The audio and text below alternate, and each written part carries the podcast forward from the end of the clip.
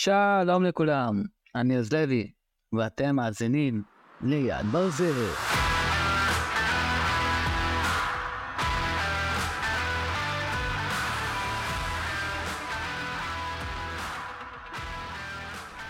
איך אני שמח שחזרתם אלינו לעוד פרק, לעוד יצירה, לעוד יום, לעוד כמה דקות של שקט וסך הכל שבה תקופה שאנחנו בה אנחנו מדברים על יד ומקצועות יד ומשלחת יד ובתי מלאכה ובעצם בואו נתחיל. אז בעולם המודרני של ייצור המוני וטכנולוגיה קל מאוד לשכוח את אנשי המלאכה המיומנים שעובדים במגע אינטימי עם כלים מקצועיים כדי לייפות, לתקן וליצור, למרות שלעיתים קרובות הם מוזנחים. האומנות שלהם ממשיכה במלוא המרץ להתקיים ומשאירה אחריה ערך רב מאוד. בואו נציג מספר מקצועות אשר איתנו תקופה לא מבוטלת של החיים, הכלים שהם משתמשים בהם והמסירות שהמקצועות האלה דורשים, די קשה לבטל אותם. מרבית האנשים רוצים להיראות יותר טוב ממה שהם נראים בשביל להשיג תוצאות טובות יותר במראה החיצוני. בתקופה האחרונה, מאות שנים אחורה, האנשים החלו להתאפר.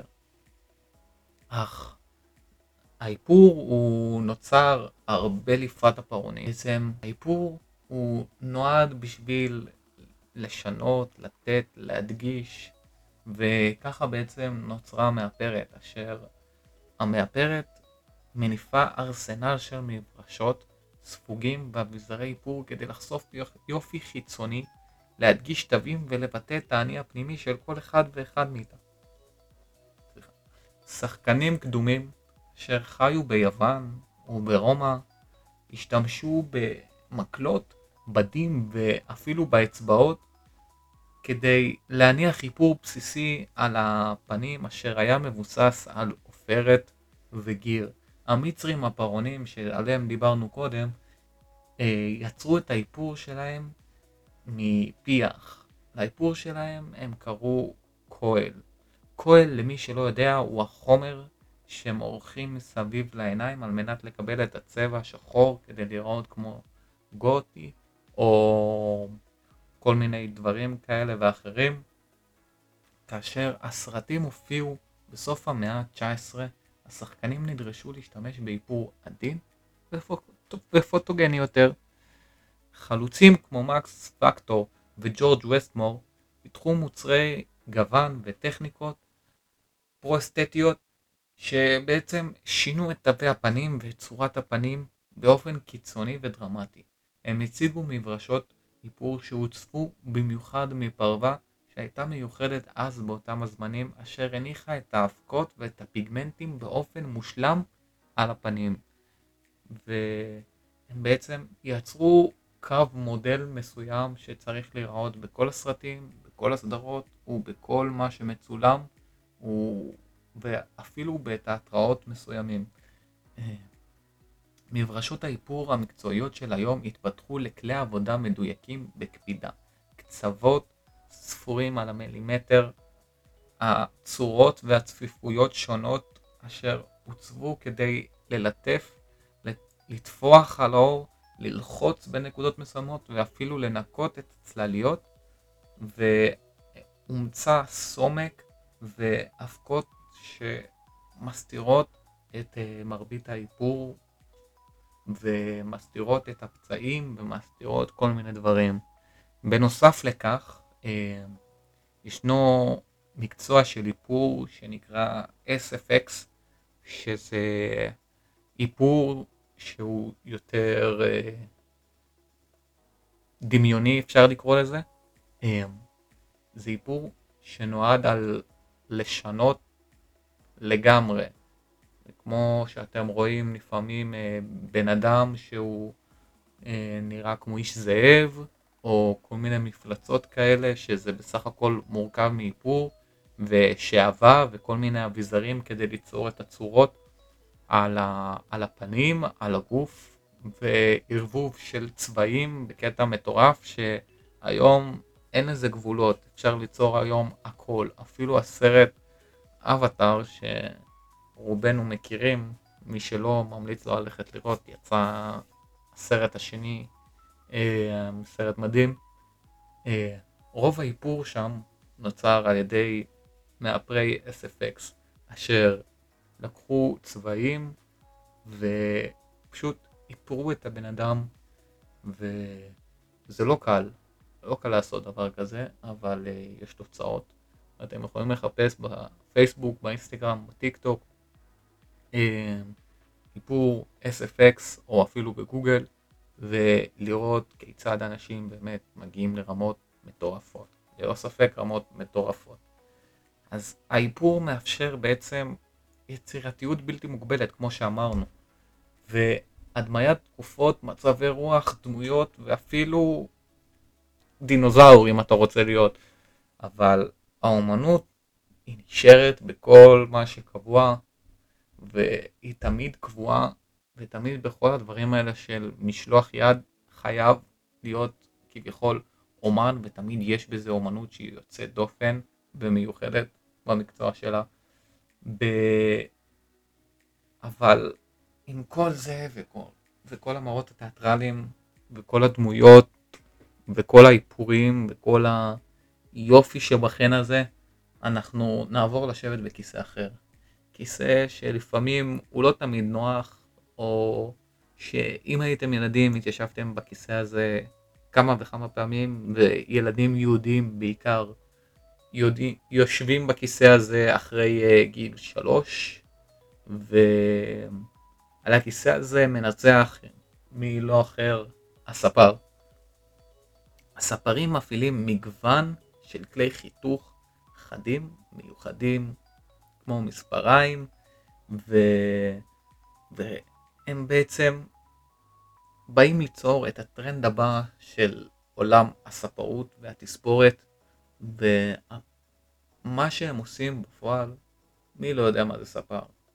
הם באים לספר אותנו, לקצץ לנו את השיער, לקצץ את הזקן, לעשות קווים, אה, לצבוע את השיער, אה, לעשות כל מיני דברים. אה, הם יכולים ליצור לנו טלטלים וכל מיני זה, אבל אתם, משהו שיושב לי קצת מהראש, מהמחקר שעשיתי, אמ, אתם בטח מכירים את העמוד בכניסה לכל מספרה, זה עמוד אייקוני כזה של שלושה ספירלות כאלה שמסתובבות אחת עם השנייה ושלושה צבעים שונים וזה בעצם אדום, כחול, לבן ויש איזה סיפור שקראתי שהוא לי אישית מרגיש די מוזר ודי מומצא, אבל מצד שני אי אפשר שלא להאמין לזה. אמ, ויש שאומרים שהעמוד הזה התחיל בתור עמוד שהוא אדום לבן, בגלל שהספרים פעם היו אנשים שמיומנים ב... בחיתוך ובמספריים ובעבודה עם כלים חדים שברמה כל כך גבוהה שהם היו עובדים גם בתור אה, יד ימינם של המנתחים, בעצם האנשים שעושים את החיתוך לאור, את החיתוך לווריד ופתיחה של כלי ידם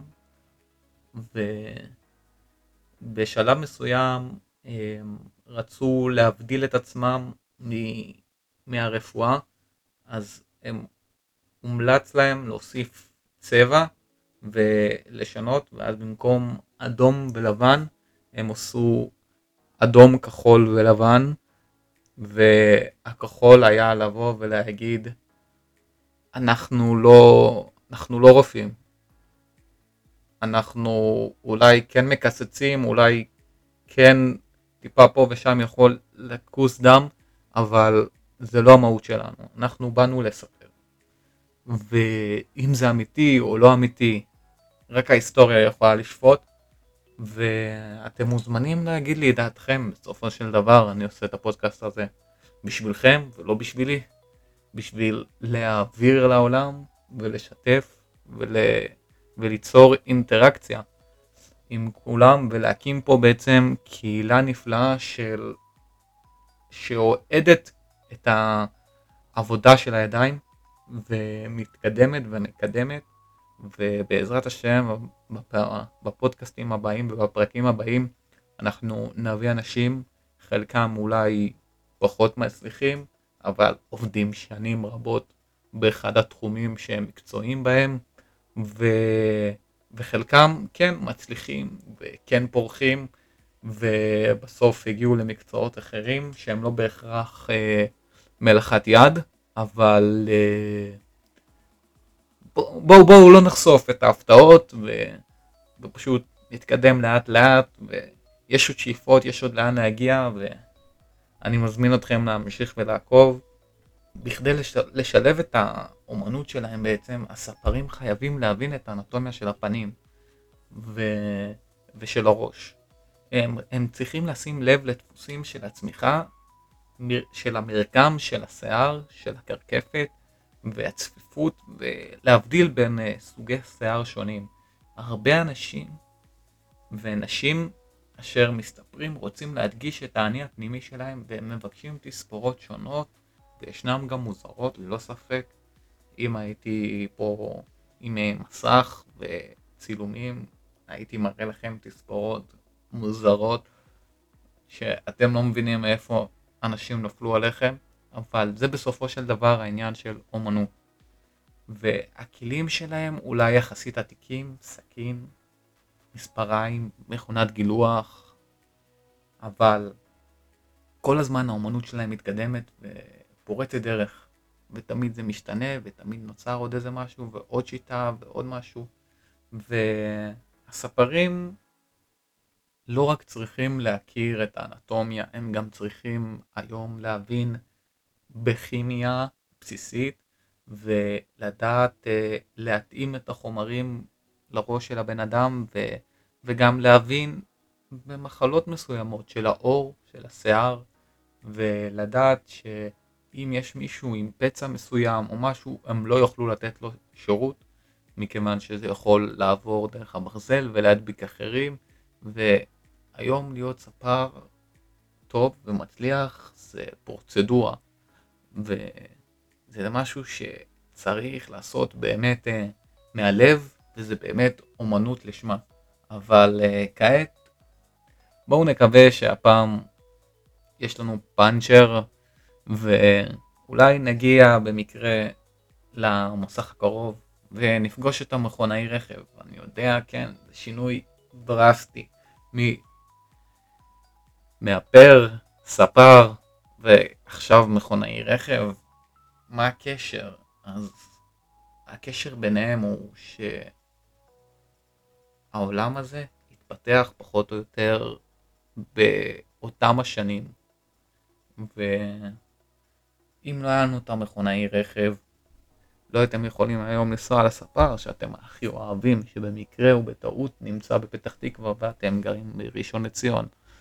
אבל בואו נלמד ובואו נתקדם ובואו נמשיך. אז המוסך שלנו הוא מוסך גדול. תתארו לכם מוסך כזה גדול, יש בו ארבע עמדות, מוסך עתיק. אמ, ובמוסך המכונאי יש מלא סוגים של מפתחות מיוחדים, מגביהים, ג'קים וכל מיני סורקים שמאבחנים את הרכב. יש עשרות סוגים של כלים לעבודה אחת מסוימת ויש מאות סוגים של כלים לכל דבר יש כלי בין אם זה מברגות, פטישים, פטישי אוויר, צינורות לחץ, צינורות שמורידים לחץ, צינורות להידראוליקה, צינורות לשמן, וזה לא נגמר. מכונה, העולם של מכונאות רכב מתפתח מאוד מאוד מאוד מאוד מאוד מהר. כאשר קארל, קארל רשם פטנט, מישהו בעבר, קארל בנץ, רשם פטנט על המכונית המודרנית הראשונה שמופעלת בבנזין ב-1886, היא הייתה המצאה מוזרה, המצאה חדשה לא, לא בהכרח היה קל לתקן אותה, היא דרשה תיקון כאילו ידני וכל הזמן צר, צריך להיות מישהו שאיתך כדי שתדע לתפעל אותה כמו שצריך, אבל היום המכונאים של המאה ה-20 משתמשים בכלים מאוד פשוטים, מפתחות, פטישים, מזלגות, והם צריכים בסך הכל לחבר כמה ברגים ודברים כאלה, זה לא שאני אומר שהעבודה הזאת פשוטה, היא בכלל לא פשוטה, להפך, היא עבודה שנורא מורכבת ודורשת מיומנות, וגם אצלם בסופו של דבר יש עניין של אומנות, אבל המנועים המודרניים הפכו למורכבים הרבה יותר. המכונאים של היום דורשים כלי עבודה יותר מדויקים שתוכננו להסיר, לגשת ולתמרן בין רכיבים ורכיבים שונים. סטים של מפתחות שוודים לדוגמה, ראצ'טים ובוקסות מספקים מומנט כדי לשחרר אומים. מי שלא יודע, אום זה חתיכת ברזל עגולה ששמים על הבורג כדי לסגור את ההברגות ולנעול את הבורג כדי שלא ייפתח וייצא או יזוז ומספר סוגים רחבים של אה, אומים, יש אומים לחץ, יש אומי נעילה, יש אומים חור, יש אומים בלי חור, יש, אה, כמו שיש מגוון רחב של אה, ברגים, ככה יש מגוון רחב של סוגים, ולכל בורג יש את האום המתאימה לו. והחלקים האלה הם נורא עדינים, והמכונאים גם צריכים להשתמש במראות שהן טלסקופיות ובורוסקופ, וזה לא קל. צריכים להגיע לאזורים שאי אפשר להגיע לעבוד בתוך צינורות עם כלים ולפעמים אה, זה ממש מזכיר חדר ניתוח כמו בסרטים שרואים אה, שהמנתח עובד עם אה, מצלמות מלמעלה ו... וקליקים כאלה כדי להזיז את המצלמה ואת ה... זה כדי לחתוך את הווריד, או את אותו הווריד במדויק, אותו דבר ככה עובדים המכונאים, וזה משהו שהוא יוצא מן הכלל, זה משהו שהוא מטורף. אבל בכל זאת, יש בתים שנותרים קבועים לאורך זמן. מי לא אוהב את הקול של המנוע ברגע ההתנעה, או את הקול הצורם של המנוע כשאתה לוחץ על הגז ואתה שומע את ה... ובסופו של דבר זה נותן את הסיפוק ואת האהבה שכולנו בסופו של דבר מחפשים ורוצים, בין אם זה במשהו כזה או במשהו אחר. ברוב המקצועות כולנו מחפשים את הסיפוק, את האהבה, ושם מוצאים את זה המכונאים. מכונאים. אה, המכונאי חייב לשלב בקלות מיומנות ידנית ואנלוגית, מומחיות דיגיטלית ואינטונציה אישית. וכדי לשמור על כך שכלי הרכב שלנו יפעלו בצורה חלקה, היכולת שלהם מעבירה אותנו אל העתיד בעודה מעניקה כבוד לעבר. אבל בדיוק כיצד שהמכונאי שולט במכונות, ככה הפסל שלנו מקיים דו שיח אינטימי, מאוד אינטימי, עם החומר שלו, בין המקצועות שעובדים מאוד קשה עם הידיים, וזה מקצוע מאוד אינטימי, אה, מאוד רומנטי. אם אתם תסתכלו על אה, סיפורים על פסלים ועל פסלים, זה תמיד אה, סיפורים שהם מאוד מאוד מאוד רומנטיים, שהבעל עשה פסל לאשתו ואשתו נעלמה והוא לא עזב את הפסל וכל מיני סיפורים כאלה ופסלים שבנו בשביל המלך שמת בשביל להמשיך להלל אותו, ופסלים של אה, ליצור יופי, שלום, חירות, אה, אחווה, ואפילו סתם אנשים שפשוט אוהבים ליצור פסלים. אז אה, הפסל יוצר צורות שונות בתוך אבן, עץ וחמר. הפסלים הקדמונים השתמשו בידיים שלהם בכוח פיזי הם, הם השתמשו עם ממזל מברזל, אשר כופף על ידי פטיש, ובעצם זה לתת מכות על שעות, מכות על פטיש שעות על גבי שעות, ובעצם לא להפסיק עד שאתה יוצר את ה... מה שאתה רוצה.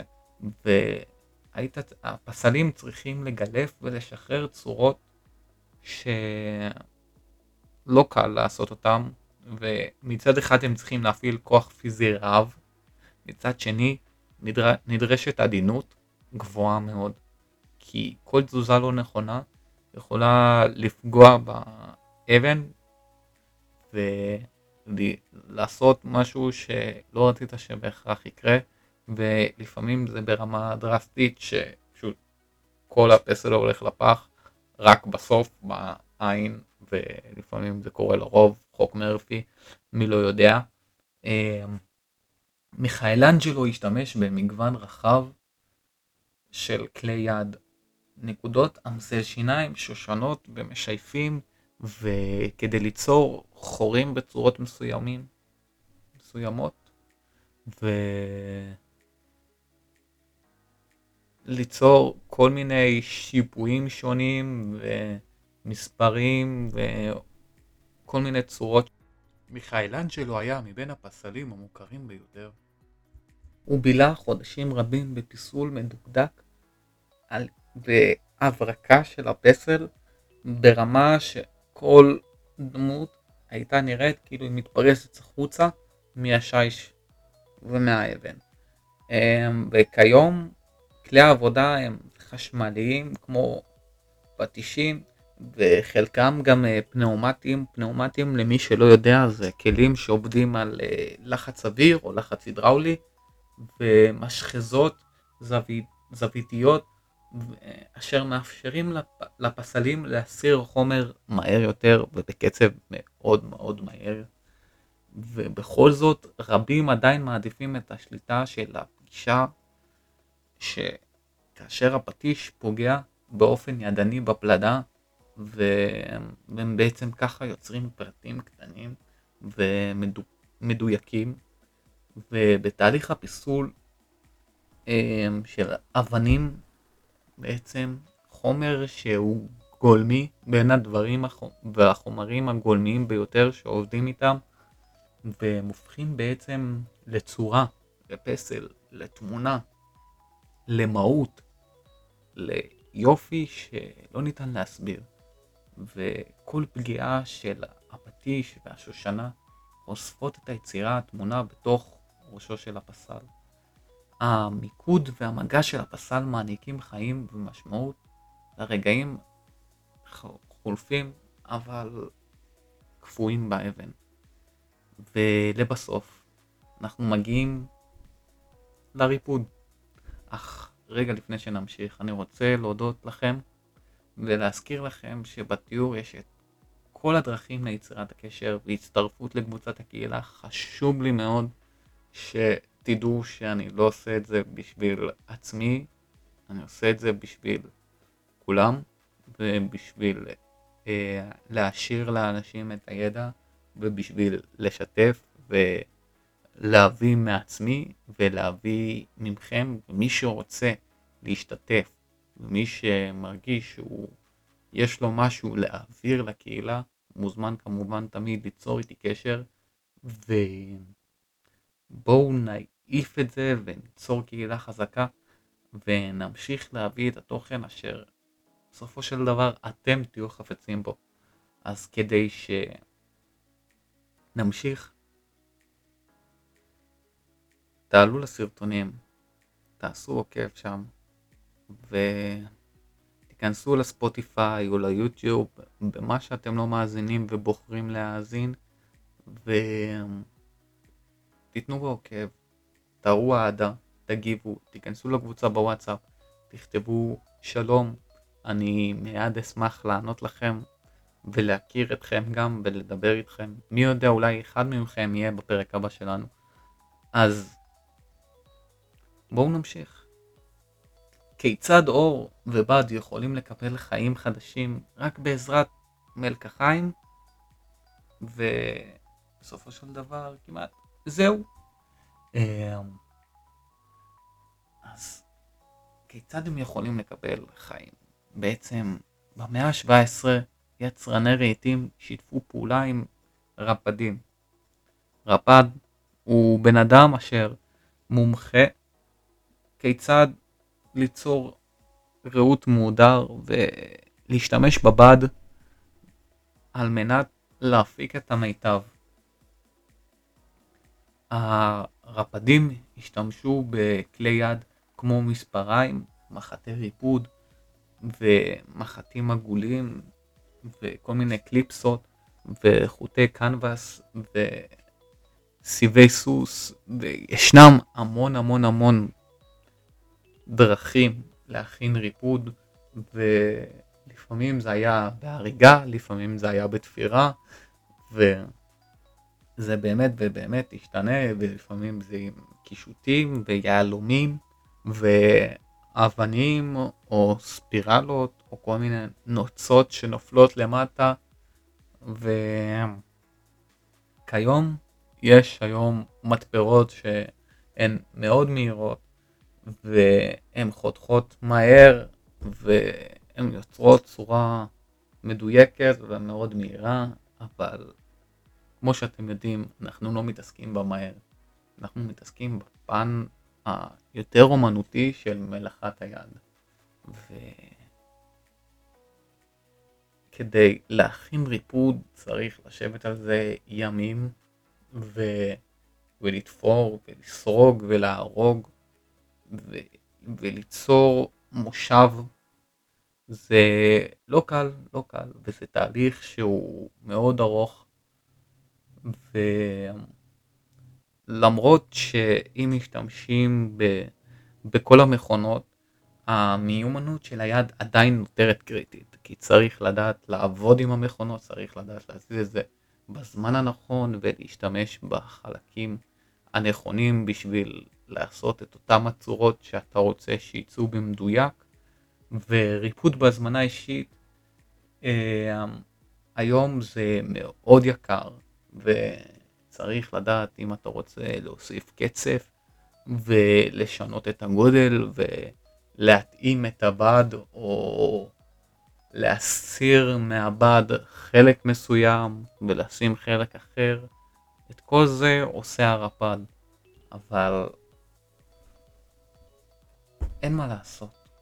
ובסופו של דבר אה, הרפדים וכל הדברים עוברים את, אה, את העידן של התיעוש והתעשייה בסופו של דבר לוקחת את אה, רוב המקומות, מקומות העבודה וכמעט כיום לא נראה גם רפדים שעובדים כרפדים אלא אתה תלך למוסך כדי להחליף את הריפוד ברכב, אתה תלך אה, היום אם הכיסא שלך ייהרס, אתה, אם אתה לא בן אדם שמאמין לקחת את זה וללכת לרפד, אתה תיקח את כל הכיסאות ואתה תזרוק אותם ותקנה כיסים, כיסאות חדשים, והעולם הוא מאוד מתקדם ודינמי. ו... למרות שהחומרים והטכנולוגיה ממשיכים להתקדם, היסודות נותרים אומנות, ובבסיסם בעיקר נשארים אומנות, ודמיון וכישורי יד אשר צריכים להיות מאוד מיומנים. כל המקצועות הללו משלבים מיומנות טכנית עם יצירתיות כדי לעצב את חפציהם. העבודה שלהם זורמת מהקשר בין האדם, הכלי והחומר. ובעולם של חד פעמיות באמת ההקדשה שלהם שומרת על מה שאנחנו באמת אוהבים. אז היום חקרנו חמישה מקצועות, כל אחד עם הכלים, הכישרונות והמסורות שלו. על פניו הם נראים מאוד מנותקים, אך מבט מעמיק חושף שורשים משותפים באומנות ובמיומנות עם חומרים. אומני מלאכה היו החדשנים המקוריים של החברה, תופסי רעיונות לשימוש בחומרים טבעיים כמו צור, סיבי צמחים ואורות של בעלי חיים. ידיהם עיצבו את הכלים הראשונים שלנו, את המברג, את המברשת, את הפטיש, ואנחנו חייבים להם תודה. והמיקוד שלהם בעצם הזין אותנו. מעפר וברזל הם יצקו מטרה. עם כל הקדמה והזינוק המהיר ביכולות, בואו נעצור רגע, רק לרגע אחד, ונודה על התשוקה המזינה, את ההתקדמות, אך זוכרת את היסודות, נודה על הנשימה האינדיבידואלית התופסת יופי בסודות שאחרים מחמיצים. נודה לאומנים המקדישים את חייהם לשדרוג ובניית המקפצה לדורות הבאים. עד לכאן, אני הייתי עוז לוי, ואתם האזנתם ליד ברזל.